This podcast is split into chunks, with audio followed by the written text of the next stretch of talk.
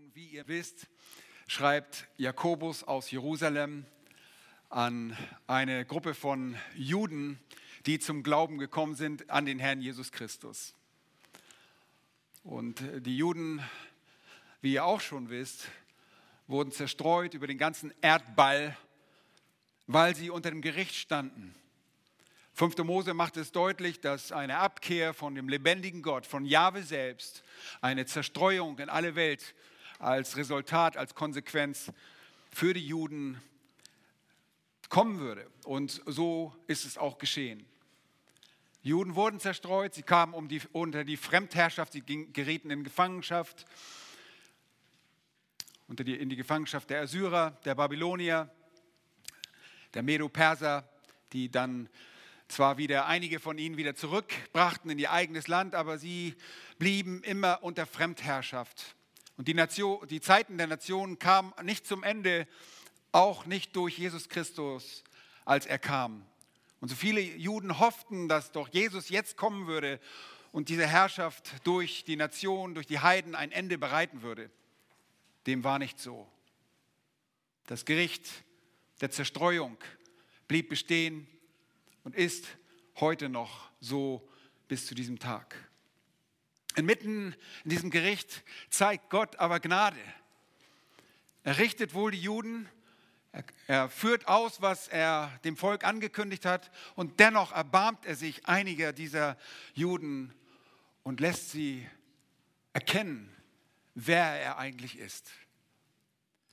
Dass der Messias wirklich Jesus Christus ist, der Gesalbte, der kommen sollte, um die Sünde des Volkes zu tragen. Und als nun die ersten Juden zum Glauben kamen, die ersten Judenchristen, gab es eine große Verfolgung.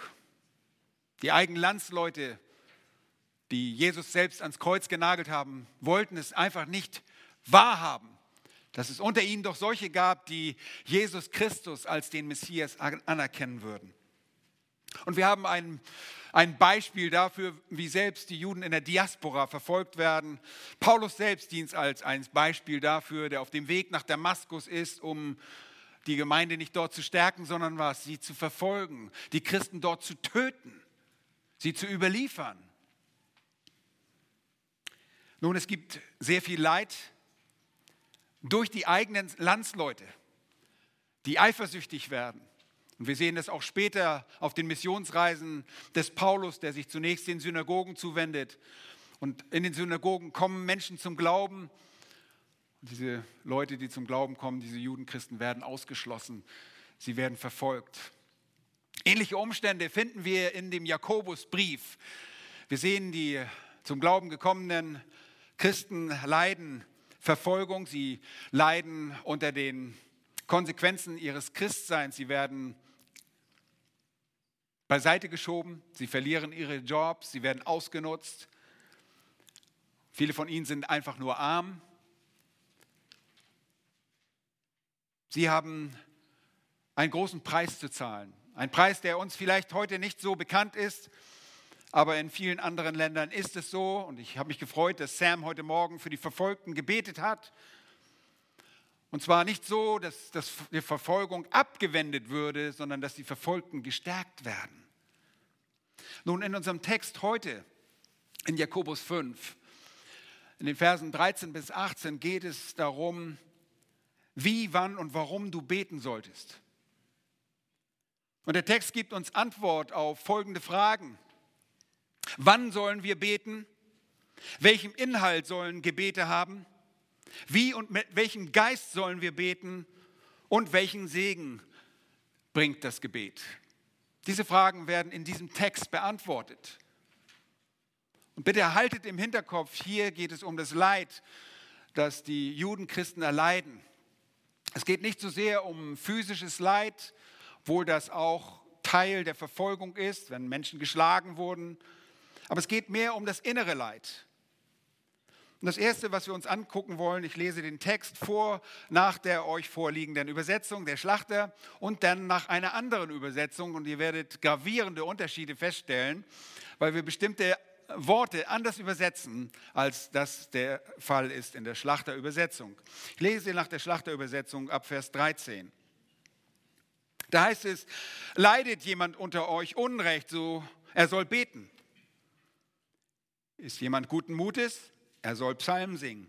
Ist jemand von euch krank, er soll die Ältesten der Gemeinde zu sich rufen lassen und sie sollen für ihn beten und ihn dabei mit Öl salben im Namen des Herrn. Und das Gebet des Glaubens wird den Kranken retten. Und der Herr wird ihn aufrichten. Und wenn er Sünden begangen hat, so wird ihm vergeben werden. Bekennt einander die Übertretungen und betet füreinander, damit ihr geheilt werdet. Das Gebet eines Gerechten vermag viel, wenn es ernstlich ist.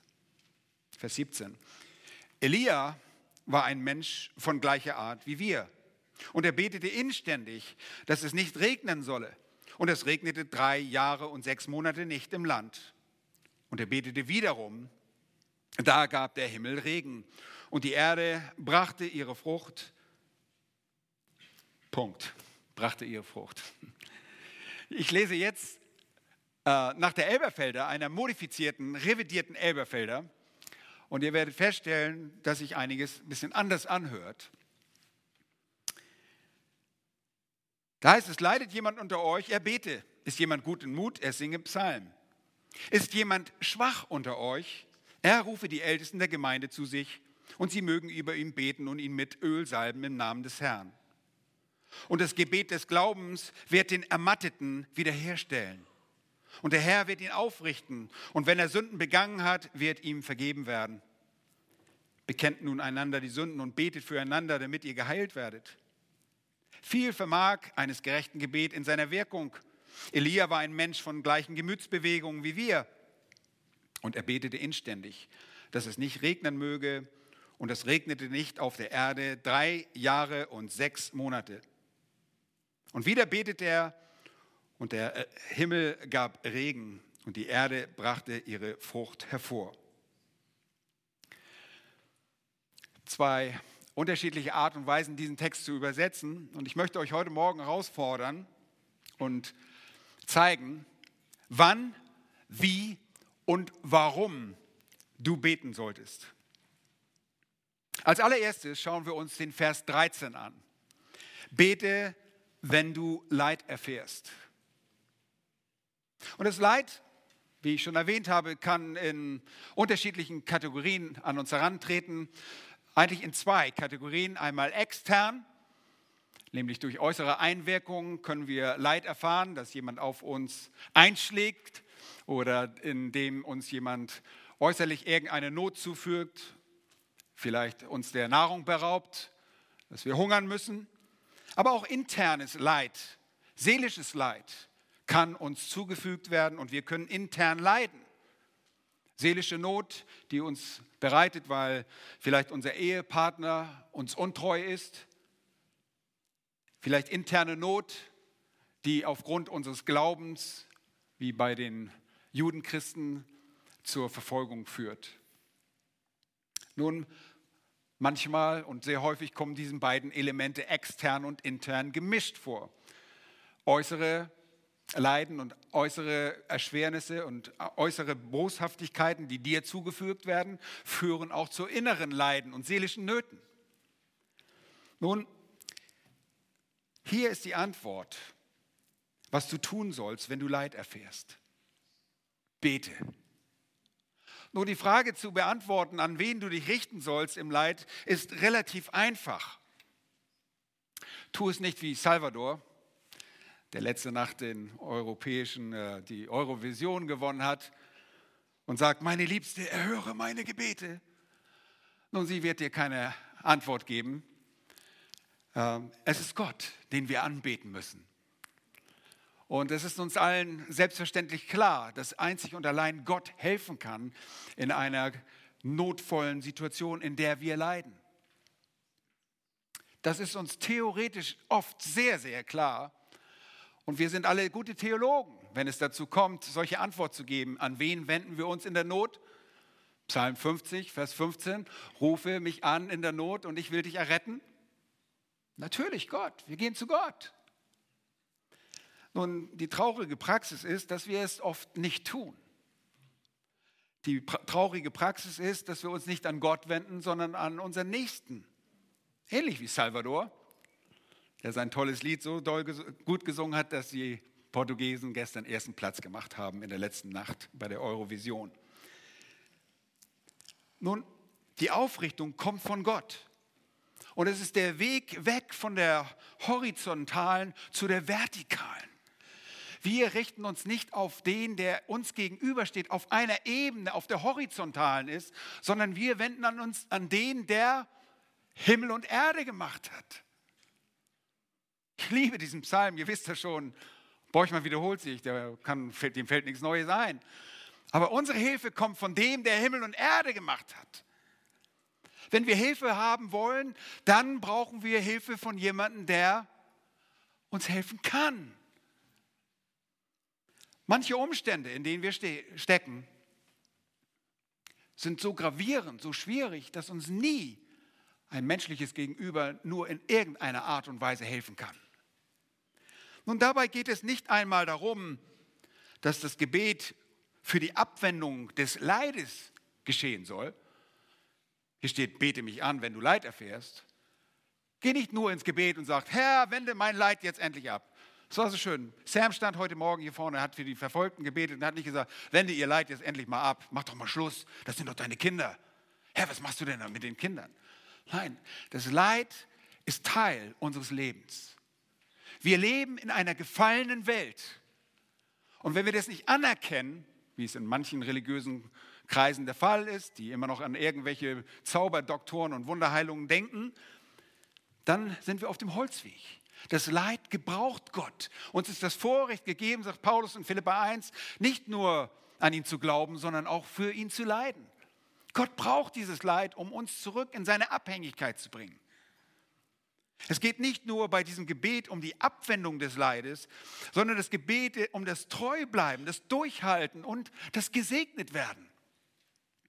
Wir haben es schon zuvor gesehen, an dem Leben von Hiob, der gelitten hat und wie er gesegnet wurde. Nun, zugegebenermaßen, wir wollen den Segen immer sofort haben. Und wir wollen auch alles, was wir bitten, sofort haben. Herr, gib mir Geduld und zwar sofort. Wir wollen alles sofort haben.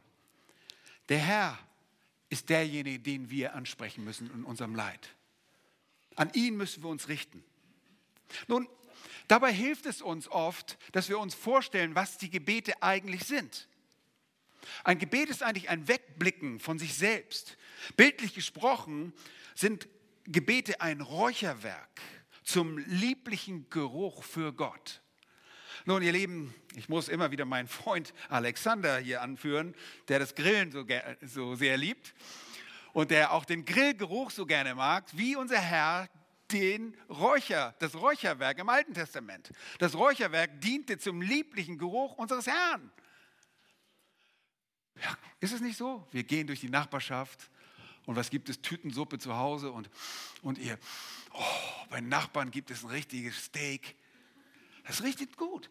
Und so müssen wir uns das vorstellen. Psalm 141 sagt der Psalmist, sagt David, lass mein Gebet wie Räucherwerk gelten vor dir, das Aufheben meiner Hände wie das Abendopfer. Lieben, Gebete sind zur Ehre Gottes. Und das wird uns sehr deutlich Schlagt einmal ganz kurz auf die Offenbarung Kapitel 5 und Vers 8. Das ist ein sehr eindrückliches Bild, das wir dort erlangen. Dort heißt es, und als es das Buch nahm, fielen die 24 lebendigen Wesen und die 24 Ältesten vor dem Lamm nieder. Und sie hatten jede eine Harfe und eine goldene Schale voll Räucherwerk. Du denkst, Räucherwerk, gehört das nicht in die Esoterik? Moment, lass uns weiterlesen. Das sind die Gebete der Heiligen. Dieses Räucherwerk ist dem Herrn ein lieblicher Duft, ein lieblicher Geruch in, seiner Nase. Und so sind wir angehalten, von uns wegzusehen in dem Leid, uns an den Herrn zu wenden. Und wenn es ein Hilferuf ist oder eine Bestätigung dessen, dass wir sagen, Herr, was du mit mir machst, das ist recht. Ich leide für dich und ich tue es gerne.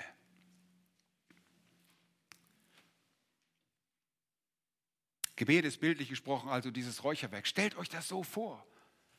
Gebet ist nicht ein Monolog, sondern ist eine Unterhaltung mit dem lebendigen Gott. Jakobus macht es deutlich. Die Antwort für den leidenden Judenchristen inmitten seines Leids war das Gespräch mit dem lebendigen Gott. Nun, einige dieser Judenchristen konnten dabei ein breites Grinsen behandeln. Sie konnten guten Mutes bleiben. Es waren gestärkte Leute stark durch das Leid hindurch. Und wir kennen alle solche Leute, die frohen Mutes durch das Leid hindurchgehen. Und wir alle werden von solchen Leuten angezogen. Und das ist der zweite Teil von dem Vers 13. Bete mit Lobgesang, wenn du guten Mutes bist.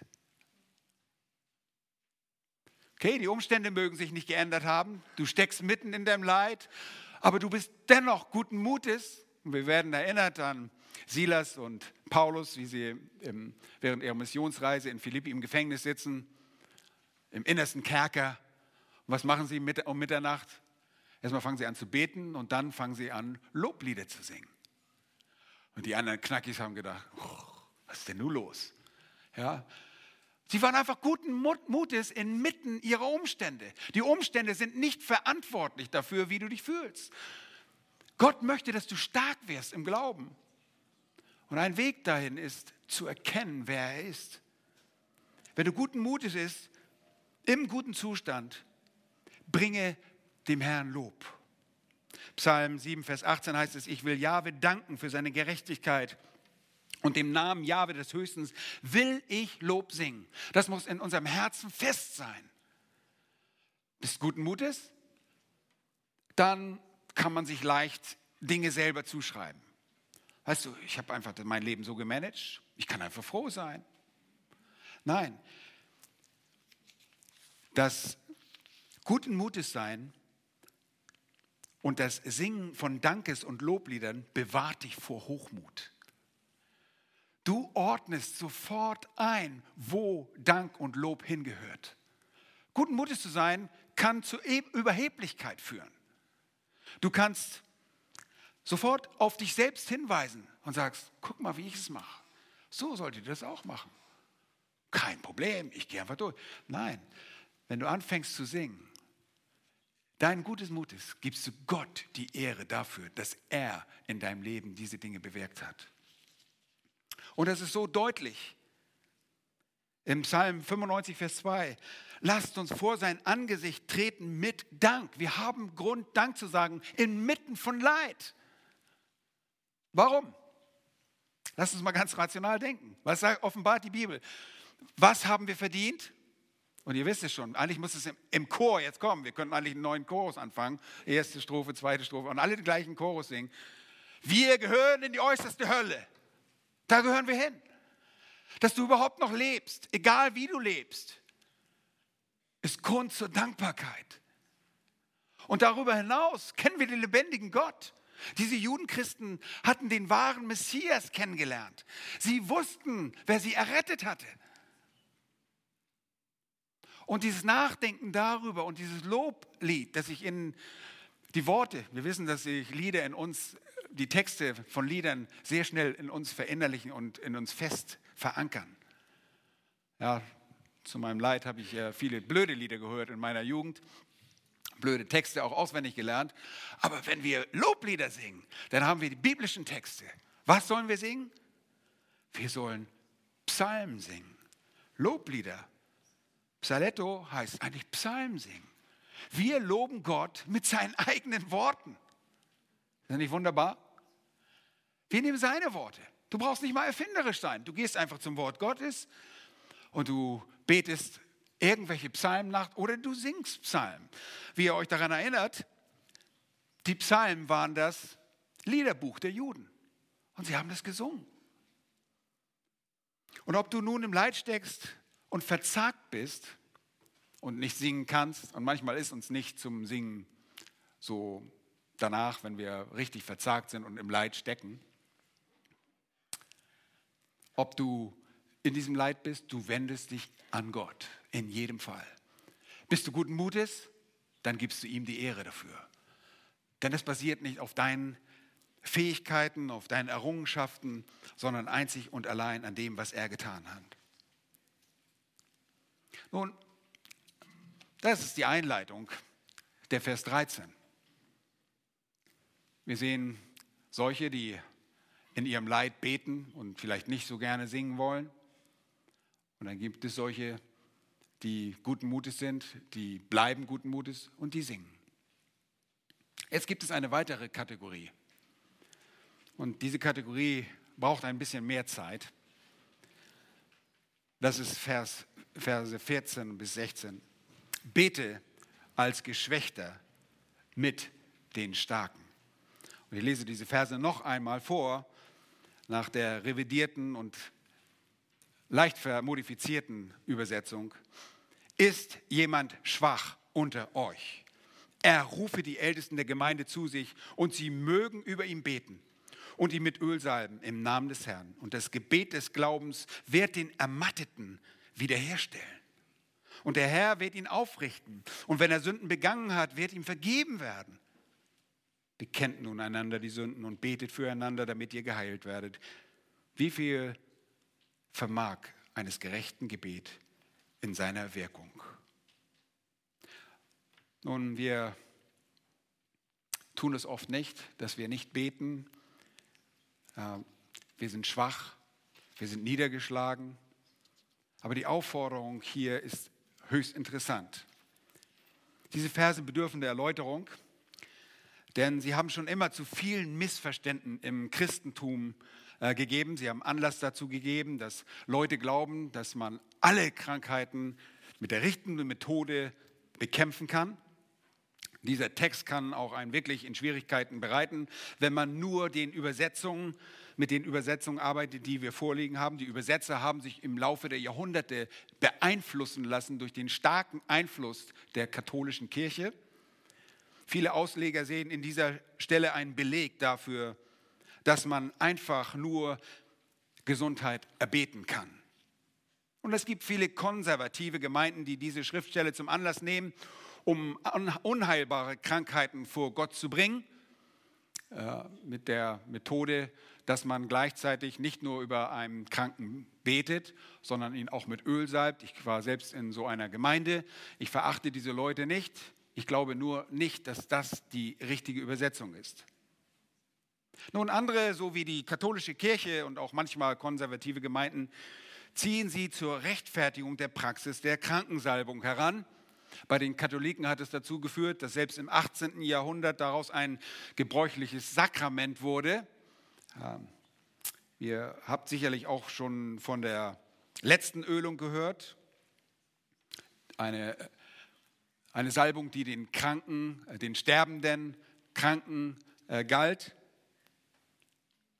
Sie ist jedoch eine Stärkung und Ermutigung in die falsche Richtung. Davon bin ich überzeugt. Die Krankensalbung soll nach der Beichte empfangen werden, heißt es da. Im Anschluss nach der Krankensalbung ist je nach Gesundheitszustand der Empfang des Altarssakramentes möglich, laut katholischer Kirche. Sie gibt in schwerer Krankheit Anteil am Heiligen Geist. Was ist das denn? Ich meine, äh, und Gemeinschaft mit dem Kreuz Jesu Christi. All solche Dinge werden verbreitet. Und äh, in diesem Sinne hat das Zweite Vatikanische Konzil Ritus und Deutung dieses Sakraments auch erneuert. Es ist also nicht nur für Sterbende, sondern geht darüber hinaus auch für Kranke. Da heißt es, das Sakrament wird durch den zuständigen Ortspfarrer gespendet.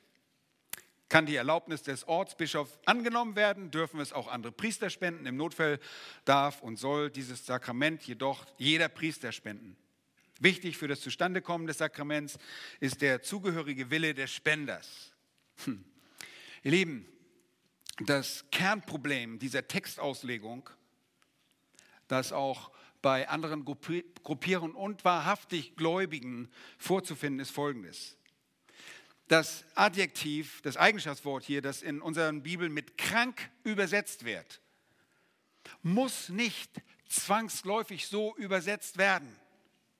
Es steht vom griechischen Text her überhaupt kein Grund, dieses Wort ausschließlich auf körperliche Erkrankungen oder eine Fehlentwicklung zu beziehen. Es ist durchaus legitim und das bedeutet das Wort eigentlich, Astheneo bedeutet schwach sein. Ja, wir wissen, dass äh, Kranke im fortgeschrittenen Status sehr schwach sein können und auch nichts machen können, nicht mehr aufstehen können. Und so sagt man, deshalb rufen sie sich die Ältesten zu sich. Nun, dieses Wort wird in den Evangelium auch für physische Krankheiten tatsächlich benutzt und verwendet. Aber in der Apostelgeschichte und in den Briefen bezieht es sich auch ganz allgemein und häufig auf einen schwachen Glauben. Es bezieht sich auf ein schwaches Gewissen. Und als Beispiel sei da einmal Apostelgeschichte 20, die Verse 33 bis 35 ähm, genannt. Da sa sagt, äh, heißt es, ich habe von niemandem Silber oder Gold oder Kleidung begehrt. Ihr selbst wisst, dass meinen Bedürfnissen und denen, die bei mir waren, diese Hände gedient haben. Ich habe euch in, dem, in allem gezeigt, dass man so arbeiten, sich der Schwachen annehmen und an die Worte des Herrn denken müsse. Er selbst hat gesagt, geben ist ne, äh, seliger als nehmen. Seht ihr, hier nicht die, sind nicht physisch kranke Menschen gemeint, sondern schwache. Wir erinnern uns auch an die Worte, kommt mir gerade in den Sinn, in 1. Thessalonicher Kapitel 15 und Vers 14, dass Kleinmütige getröstet werden sollen. Und der, die, die Brüder sollten sich der Schwachen annehmen. Und sie müssen getragen werden. Aber in Römer 6 heißt es auch von der Schwachheit eures Fleisches. Da ist genau dieses Wort. Oder in 1. Korinther Kapitel 8 wird von einem schwachen Gewissen geredet. Und es wird auch dieses Wort benutzt in Vers 12, 1. Korinther 8, Vers 12. Und im Übrigen spricht auch der ganze Kontext, der ganze Zusammenhang des Jakobusbriefes eindeutig von dem Schwachsein im Glauben. Das ist das Problem, das diese Judenchristen hatten zu Beginn des Christseins. Jakobus geht immer wieder, es geht ihm immer wieder um einen aktiven und einen starken Glauben. Und es ist Gott wirklich wohlgefällig, wenn wir stark sind im Glauben.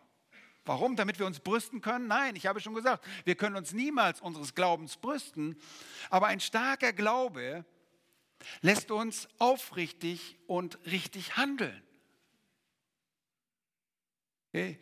Die Stärke als solches ist die Stärke im Herrn. Seid stark in der Stärke des Herrn. Wir erstarken im Herrn. Es ist sehr interessant im Alten Testament zu sehen, äh, bei einer Begebenheit, als David sehr niedergeschlagen war, bei einem Kampf, heißt es, und er stärkte sich im Herrn. Dort liegt unsere eigentliche Stärke. Es geht nicht um das physische Schwachsein, sondern das seelische. Eine physische Erkrankung, eine körperliche Störung ist hier gar nicht im Blickfeld. Lasst uns also den Text unter diesem Aspekt so lesen. Und wir müssen uns nochmal wirklich immer wieder in Erinnerung rufen, wie es den gläubig gewordenen Juden erging. Sie litten Verfolgung. Und diese Verfolgung brachte es mit sich, dass sie Jobs nicht wahrnehmen konnten, dass sie die verlor, ihre, ihre Jobs verloren haben. Sie konnten, keine, sie konnten nicht ihre Familien versorgen. Sie kamen in sehr große Bedrängnis. Sie waren hungrig. Und es liegt auf der Hand, dass einige von ihnen verzweifelten und im Glauben schwach wurden. Sie litten. Möglicherweise konnten sie nicht mehr Zuversicht gewinnen, indem sie sich selbst an Gott wendeten. Ihnen war es definitiv nicht mehr zum Singen zumute. Und so litten sie in der Verzweiflung. Sie waren einfach niedergeschmettert. Leute, die von euch einmal, wenn von euch jemand mal richtig niedergeschlagen war, in Schwachheit des Glaubens gelebt hat, der weiß, wovon ich spreche dass wir nicht mehr wissen ein und aus, und es wie Scheuklappen um uns ist und wir nichts mehr sehen, wie in einem tiefen Loch. Man spricht im psychologischen Kreisen von Depression. Aber das sind letztlich ist eine tiefe Niedergeschlagenheit. Der weiß, wovon ich spreche. Es ist beim direkten Vergleich der Worte interessant festzustellen, dass in einem Text, in dem schwach und krank vorgenommen wird, für krank ein anderes Wort gebraucht wird als in unserem Text das Wort schwach. Aber das Wort Asthenes, welches die gleiche Wurzel hat wie das in unserem Wort verwendete Astheneo, befindet sich auch in 1. Korinther Kapitel 11, Vers 13. Da heißt es, deshalb sind viele unter euch schwach, Asthenes, und krank, äh, Arostos. Und ein Gutteil sind entschlafen. Seht ihr, hier wird für krank ein anderes Wort bedeutet, neben dem Schwachsein. Wobei das Schwachsein hier sicherlich auch körperlich sein könnte. Das in Vers 14, guckt mal in unseren Text, in Jakobus, bedeutet schwach im Sinne von Ermüdung. Es ist eine Ermüdung der Seele, es ist eine geistige Ermattung, eine geistliche Ermattung. Lässt sich auch an dem nächsten Wort, das in diesem Vers, in Vers 15 vorkommt, an Kamno, dem Kranken, das hier mit Kranken übersetzt wird, sehr deutlich erkennen. Das Wort Kamno, das hier mit Kranken übersetzt wird, kommt nur ein einziges Mal noch in der Bibel vor und das ist in Hebräer Kapitel 12 und Vers 3. Und ich lese euch das Wort dort mal vor, wie es dort übersetzt wird.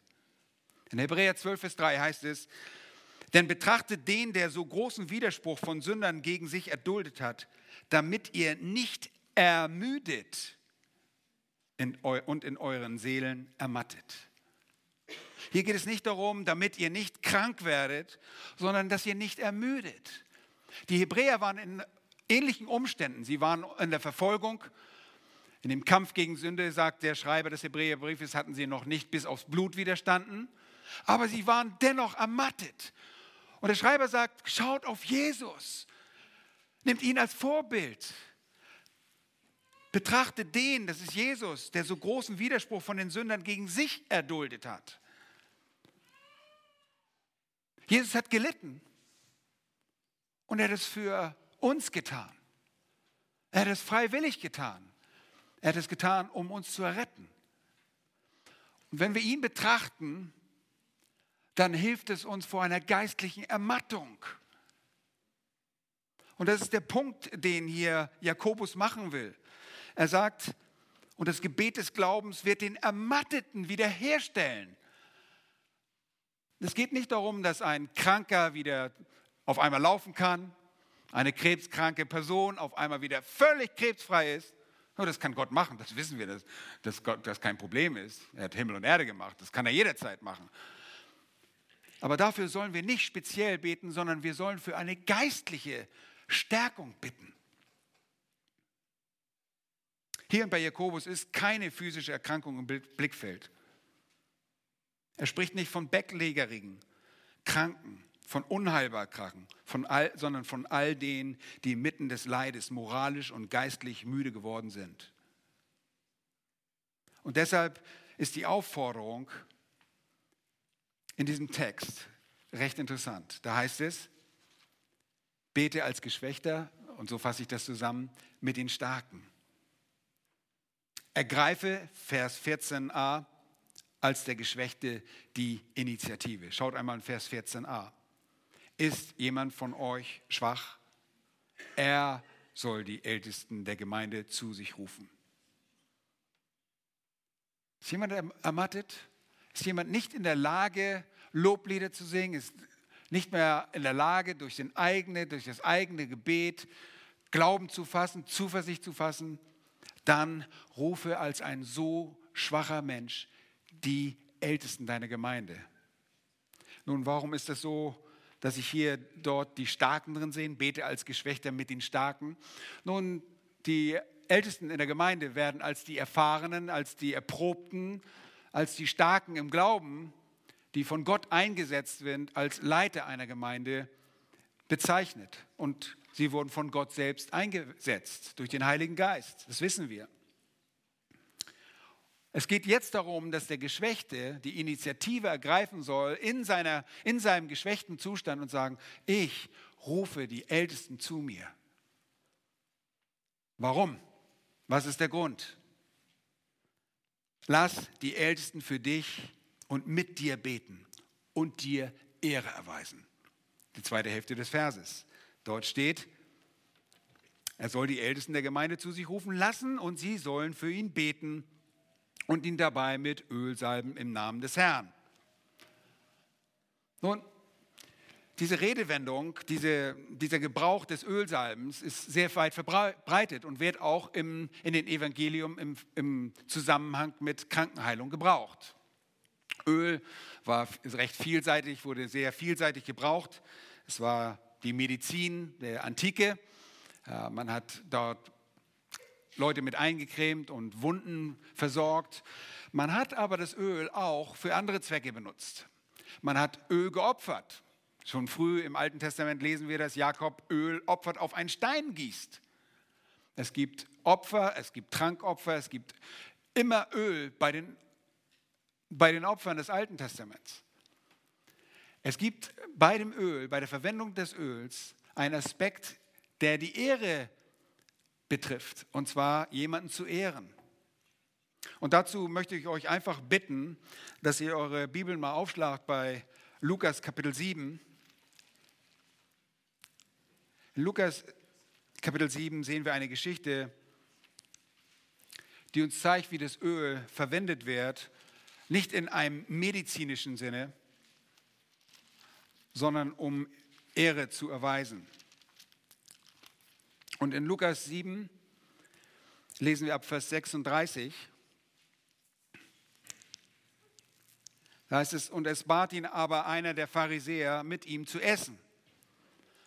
Und er ging in das Haus des Pharisäers und setzte sich zu Tisch. Und siehe, eine Frau war in der Stadt, die war eine Sünderin. Als sie hörte, dass er in dem Haus des Pharisäers zu Gast war, da brachte sie ein Alabasterfläschchen voll Salböl und sie trat hinten zu seinen Füßen weinte und fing an, seine Füße mit Tränen zu benetzen, und sie trocknete sie mit den Haaren ihres Hauptes, küsste seine Füße und salbte sie mit der Salbe. Als aber die Pharisäer, der ihn geladen hatte, das sah, sprach er bei sich selbst, wenn dieser ein Prophet wäre, so wüsste er doch, wer oder was für eine Frau das ist, die ihn anrührt, dass sie eine Sünderin ist. Da antwortete Jesus und sprach zu ihm, Simon, ich habe dir von etwas, ich habe dir etwas zu sagen. Er sprach, Meister, sprich. Ein Gläubiger hatte zwei Schuldner.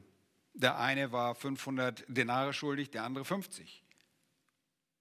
Da sie aber nichts hatten, um zu bezahlen, schenkte er den beiden, äh, schenkte er es beiden. Sage mir, welcher von ihnen wird ihm nun am meisten lieben? Simon aber antwortete und sprach, ich vermute der, dem es am meisten geschenkt hat, dem er am meisten geschenkt hat. Und er sprach zu ihm, du hast richtig geurteilt. Und indem er sich zu der Frau wandte, sprach er zu Simon, siehst du diese Frau? Ich bin in dein Haus gekommen und du hast mir kein Wasser für meine Füße gegeben. Sie hat aber meine Füße mit Tränen benetzt und mit den Haaren ihres Hauptes getrocknet. Du hast mir keinen Kuss gegeben. Sie aber hat, seitdem ich hineingekommen bin, nicht aufgehört, meine Füße zu küssen. Du hast mein Haupt nicht mit Öl gesalbt. Sie aber hat meine Füße mit Salbe gesalbt. Deshalb sage ich dir, ihre Sünden sind vergeben worden. Darum hat sie viel Liebe erwiesen. Wem aber wenig vergeben wird, der liebt wenig. Nun, in diesem ganzen Ereignis kommt eine ganz typische Praxis zum Ausdruck, dass jemand, der jemand in, diesem, in dieser Zeit ehren wollte, ihm die Füße oder das Haupt salbte als ein Zeichen der Ehrerbietung. Nun, du fragst mich, in welchem Zusammenhang steht das jetzt mit unserem Text im Jakobusbrief? Wieso geht es da um Ehrerbietung? Nun, lass uns diesen Text nochmal lesen. Dort heißt es in Vers 14, ist jemand schwach unter euch? Er rufe die Ältesten der Gemeinde zu, sich und sie mögen über ihn beten und ihn mit Öl salben im Namen des Herrn. Nun, mit dem Gebet, dass die Ältesten über dem Schwachen sprechen, gab es eine Form der Ehrerweisung, die heute verloren gegangen ist. Wenn wir anfangen, heute unser Olivenöl oder sonst raus rauszuholen und euch zu salben, dann wirst du sagen, was machst du mit mir? Ist alles in Ordnung mit mir. Ja? Ich brauche kein Öl auf meinem Kopf. Das ist, ich habe sowieso fettiges Haar. Es ist nicht mehr unsere Ausdrucksform, jemand zu ehren auf diese Art und Weise. Aber gemäß Paulus sollen wir gerade die Schwachen ehren und mit viel Ehre umgeben, laut 1. Korinther 12. Jemand, der geschwächt ist, der sich die Ältesten zu sich rufen lässt, braucht nicht eine schroffe Zurechtweisung, sondern er braucht das Gebet des Glaubens. Schaut einmal, Vers 15, das Gebet des Glaubens wird den Ermatteten wiederherstellen. Und bei diesem Gebet kommen zwei Faktoren zum Spielen. Zum einen, das Gebet des Glaubens wird Gott aktivieren zu handeln. Und zweitens, durch das Gebet wird der Schwache ermutigt. Ihr Lieben, das ist etwas, was wir immer wieder erleben, wenn wir zusammenkommen und mit Schwachen zusammen beten. Das ist übrigens etwas, was nicht nur den Schwachen ermutigt, sondern auch den Starken, der immer wieder ermutigt aus solchen Gebeten herausgeht weil er erlebt, wie Gott segnet. Und diese, dieses Salben mit Öl ist ein Zuspruch dieser schwachen Person gegenüber. Du bist nicht unwichtig für uns.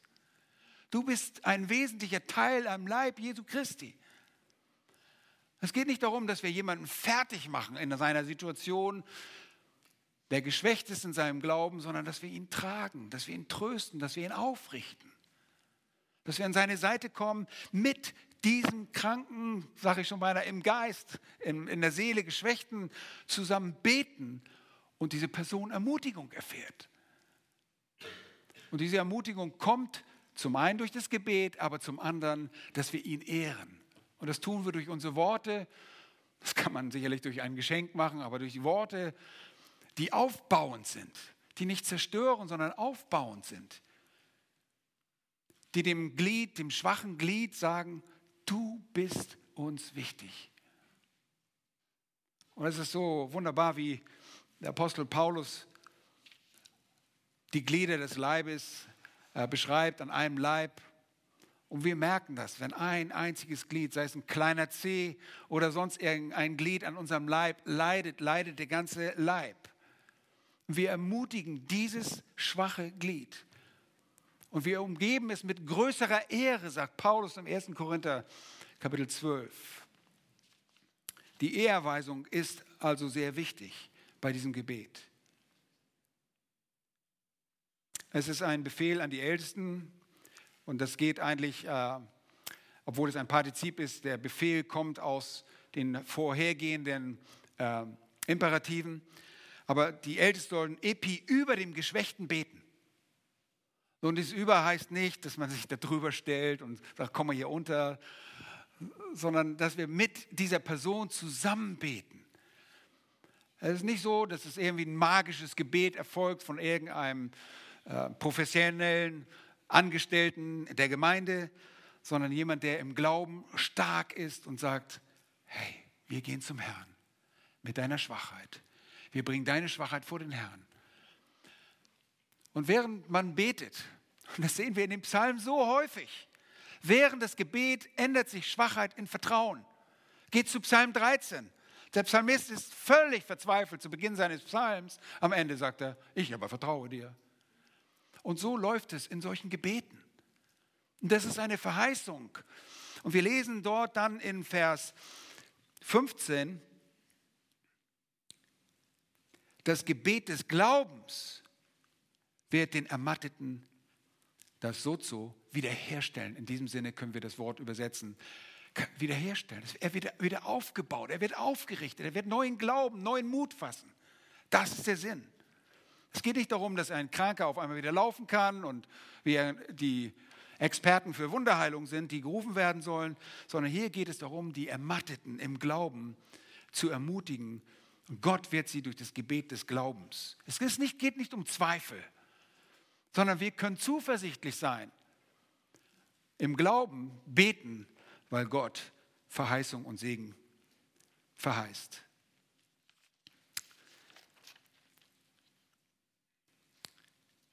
Und diese Anweisung, schaut einmal, Sie sollten im Namen des Herrn, sollten Sie jemanden salben. Das war durchaus die gängige Praxis und ich glaube, das wurde auch so getan. Und der Geschwächte im Glauben, der wurde dadurch einfach ermutigt. Ja, es ist eine Erfrischung zu salben. Äh, für die Körperpflege wurde Öl benutzt. Das ist für uns vielleicht ein bisschen äh, etwas ungewohnt, aber in, einer trockenen, in, in einem trockenen Gebiet, in dem viel Sonne scheint, braucht man sehr viel Öl den Körper, die Haut geschmeidig zu halten. Und es gehörte einfach zum, zum Akt der Ehrerbietung, jemanden zu salben. Und das taten die Ältesten in diesem Zusammenhang, indem sie im Glauben beten, erwiesen sie diesem Geschwächten die Ehre. Sagte, du bist wichtig, du bist dem Herrn wichtig. Und dann steht da noch, es soll im Namen des Herrn geschehen. Das ist nicht etwas, was sich Jakobus ausdenkt, oder, sondern will, dem Willen des Herrn gemäß. Das ist immer, wenn wir im Namen des Herrn sagen. Ja, wenn wir beten, ich bete es in Jesu Namen, dann im Willen des Herrn Jesus Christus. Und im Namen des Herrn bedeutet seinem Willen gemäß zu beten. Okay? Das heißt also, wenn jemand kommt und wir ermutigen wirklich äh, euch als Geschwister, das auch zu tun, und ich weiß, einige von euch haben das auch getan, Einfach zu den Ältesten zu kommen und sagen, hey, wisst ihr was, ich bin so niedergeschlagen. Könnt ihr mit mir beten? Könnt ihr, können wir zusammen beten? Ich, ich brauche diese Ermutigung. Ich, ich komme einfach selber nicht mehr aus diesem Loch heraus. Und wir haben das erlebt. Wir haben das mehrfach erlebt, dass Geschwister ermutigt werden. Und das ist eine Zusage. Der Geschwächte wird im Glauben wiederhergestellt. Nun, und dann geht es weiter in Vers 15b, die in deiner Schwachheit begangenen Sünden werden dir vergeben. Ein Mensch, der in Schwachheit geraten ist, der nicht richtig glauben kann, der neigt sehr stark dazu, auch zu sündigen und Sünde zu fallen. Das geht oft damit einher. Wir heißen das Schwachsein nicht gut und sagen, ah toll, du bist einfach nur schwach, kein Problem. Nein, es gibt auch Gründe dafür, warum wir schwach geworden sind. Es gibt Gründe für die Schwachheit und das sind oftmals sündige Zustände. Ich habe mich vom Herrn entfernt. Ich habe nicht, ihm sein Angesicht nicht mehr gesucht. Ich, ich lese seit Wochen keine Bibel mehr. Ja, und ich bekenne das jetzt hier einfach. Man kommt mit diesem Geschwächten ins Gespräch und man hört sich das an. Das, wie gesagt, ist hier eine Zusammenfassung. Die Ältesten erfragen natürlich, wie geht es dir, was ist mit dir los, was denkst du, wo. Und, und dann kommt eben das eine oder andere raus. Und da heißt es in Vers 15 oder beziehungsweise 16 auch weiter, äh, bekennt nun einander die Sünden und betet füreinander, damit ihr geheilt werdet. Diese innerliche Heilung ist von Bedeutung und sie kann erlangt werden, wenn wir füreinander beten. Wisst ihr, wie gut es tut, wenn du mit einem Geschwächten zusammen bist und nicht von oben herabkommst und sagst, weißt du was, ich habe das sowieso alles im Griff. Wieso bist du eigentlich so schwach? Du musst es doch langsam auf die Reihe kriegen. Du bist schon zehn Jahre bei uns in der Gemeinde. Wisst ihr, wie gut es tut, wenn dir ein, ein Mann gegenüber sitzt, das sind nun mal Älteste, und dir sagt, weißt du was, ich kenne dieses Problem auch. Du, ich habe da auch schon gesündigt und ich sündige da auch. Ich falle sogar auf die Nase. Ach was, wirklich? Das, das kann doch nicht sein. Ich dachte, ich bin der Einzige, der sowas tut. Kennt ihr das? Das ist wie Balsam. Das ist wie Salböl. Wenn man das erfährt, dass, dass da jemand sagt, oh, der hat auch Probleme. Ja, aber es ist nichts ermutigender für, für mich, wenn geistliche Größen aus ihrem Leben erzählen, dass sie selbst mit ihrer Sünde Probleme haben. Weil ich sonst denke, die sind völlig abgehoben. Die sind in einer ganz anderen Liga. Mit dem brauche ich mich gar nicht abgeben. Das ist entmutigend für mich. Zum einen, weil ich weiß, sie lügen, weil keiner ist in einer anderen Liga. Wir sind alle in einer, auf einer Stufe. Wir brauchen alle Vergebung. Wir sündigen alle. Und deshalb bekennen wir einander. Wir müssen nicht alle spezifischen Sünden aus des Lebens auspacken und alles erzählen und was dem anderen nichts angeht, das brauchst du nicht alles erzählen. Aber in allgemeinen Vokabular kannst du sagen, weißt du was, in dem Gebiet oder da auf diese Sache habe ich auch meine Probleme. Da falle ich oft auf die Nase. Ach was, wirklich, du auch? Das kann doch nicht sein. Bist du nicht unser Pastor? Ich dachte, die sündigen nicht. Entschuldigung, aber das ist nicht so. Und so bekennen wir einander und beten füreinander. Sag, ich bete für dich. Und ihr Lieben, wir müssen wirklich aufpassen, wenn wir das sagen. Ich bete für dich. Tu das auch. Wenn du jemand sagst, bete für jemanden, das ist, das ist, eine, das ist ein ziemliches Versprechen. Ich sage es euch, wie schnell sind wir da nachlässig? Aber als Älteste wollen wir euch sagen, wir beten regelmäßig für euch. Wir bringen oft eure Namen vor den Thron Gottes. Wir müssen beten. Dazu sind wir aufgefordert als Älteste. Wir sind nicht nur Leiter, sondern wir müssen beten für euch, weil wir wissen, dass nicht wir die Fähigkeit haben, euch zu verändern, sondern Gott selbst. Wir erkennen unsere Abhängigkeit und deshalb beten wir für euch und füreinander. Und so kommt Heilung. Gott schenkt Heilung. Gott schenkt einfach Gnade, wenn das so geschieht. Das ist sein Weg, Ermattete wieder zu ermutigen, ihnen Glauben zu schenken und sagen, ich gehe weiter, ich stehe wieder auf, ich gehe im Glauben voran. Ich habe begriffen, dass wir alle mal fallen, aber dass wir weitergehen müssen. Und dann sagt er, viel vermag eines gerechten Gebet in seiner Wirkung. Nun, ich habe Nachrichten für euch. Euer Gebet verändert Gott nicht. Gott wird sich nicht ändern, weil ihr etwas sagt. Aber Gott lässt uns durch, seine, durch unsere Gebete an seinem souveränen Plan teilhaben. Er baut sie ein. Wie er das macht, ich weiß es einfach nicht. Aber er macht es. Er möchte gebeten werden. Er möchte gefragt werden. Und jetzt fügt er ein wunderbares Beispiel hinzu. Und da heißt es, in den letzten Versen fasse ich zusammen, bete im Wissen um die Macht und den Segen des Gebetes. Verse 16b und 18. Die Macht des Gebets kann jedes Gotteskind erfahren. Wer wird hier angeführt? Elia. Nun, Elia war ein interessanter Mensch. Wenn ihr die Geschichte in den ersten Königebuch und Chronik vielleicht nachlest, dann werdet ihr erfahren, der ist wirklich nur ein ganz gewöhnlicher Mensch.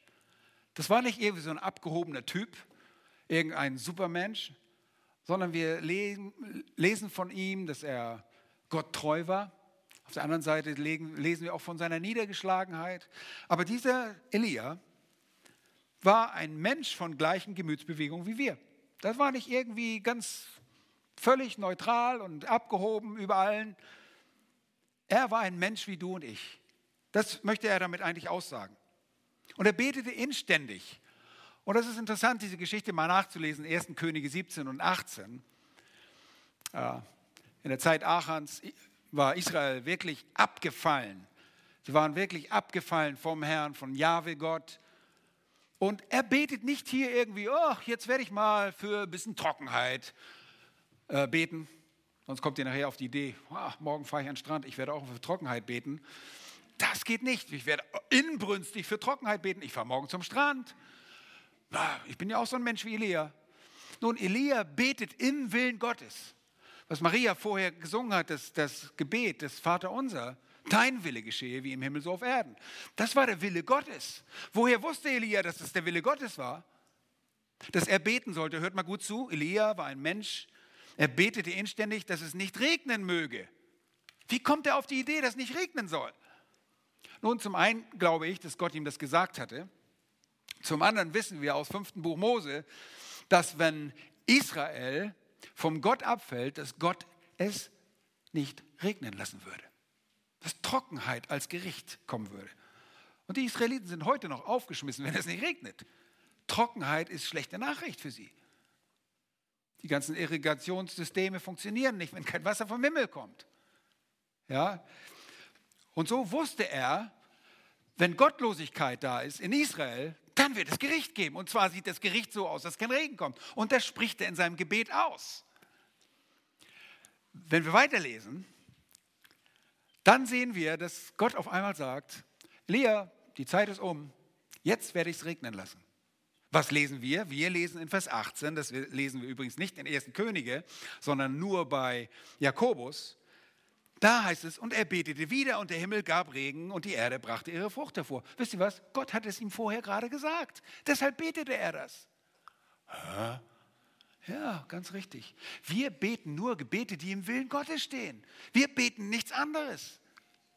Wir haben gerade gesungen und gebetet, Herr, dein Wille geschehe wie im Himmel auf Erden. Ich kann nicht sagen, oh, morgen werde ich mir mal Regen erbeten, damit mein so und so besser gedeiht. Das geht nicht. Du weißt gar nicht, ob das ein Willen Gottes ist. Vielleicht betet der Bauer um Trockenheit und ihr betet gegeneinander. Aber hier war es klar. Gott hatte mit ihm gesprochen, hat gesagt, jetzt kommt der Regen wieder. Und er betet, Herr, lass den Regen wiederkommen. Und du denkst, warum soll er denn dafür beten, wenn Gott das sowieso schon gemacht hat? Tja, das fragen wir uns auch immer. Ne? Wir beten, weil Gott gebeten werden möchte. Deshalb beten wir, und zwar im Willen Gottes. Wir beten für die Errettung von Menschen, stimmt's? Wir sagen, Herr, rette Menschen. Wisst ihr was, wenn es Gottes Willen ist, dich zu retten oder jemanden zu retten, dann wird er den retten. Und trotzdem möchte er, dass wir gebeten, dass wir beten. Das ist interessant, oder? Wir beten nur gemäß dem offenbarten Willen Gottes. Und einiges davon wissen wir nicht. Deshalb sagen wir, Herr, dein Wille geschehe nicht meiner. Und wenn du es nicht machst, ist es auch gut. Weil ist es nicht dein Wille. Aber hier sollen einfach die zum Glauben gekommenen Juden ermutigt werden, in jedem Fall zu Gott zu kommen. Ob sie im Leid stecken oder ob sie guten Mutes sind. Sie sollen beten. Einmal beten, einmal singen. Oder, wenn du es nicht selber schaffst, dann ruf die Starken.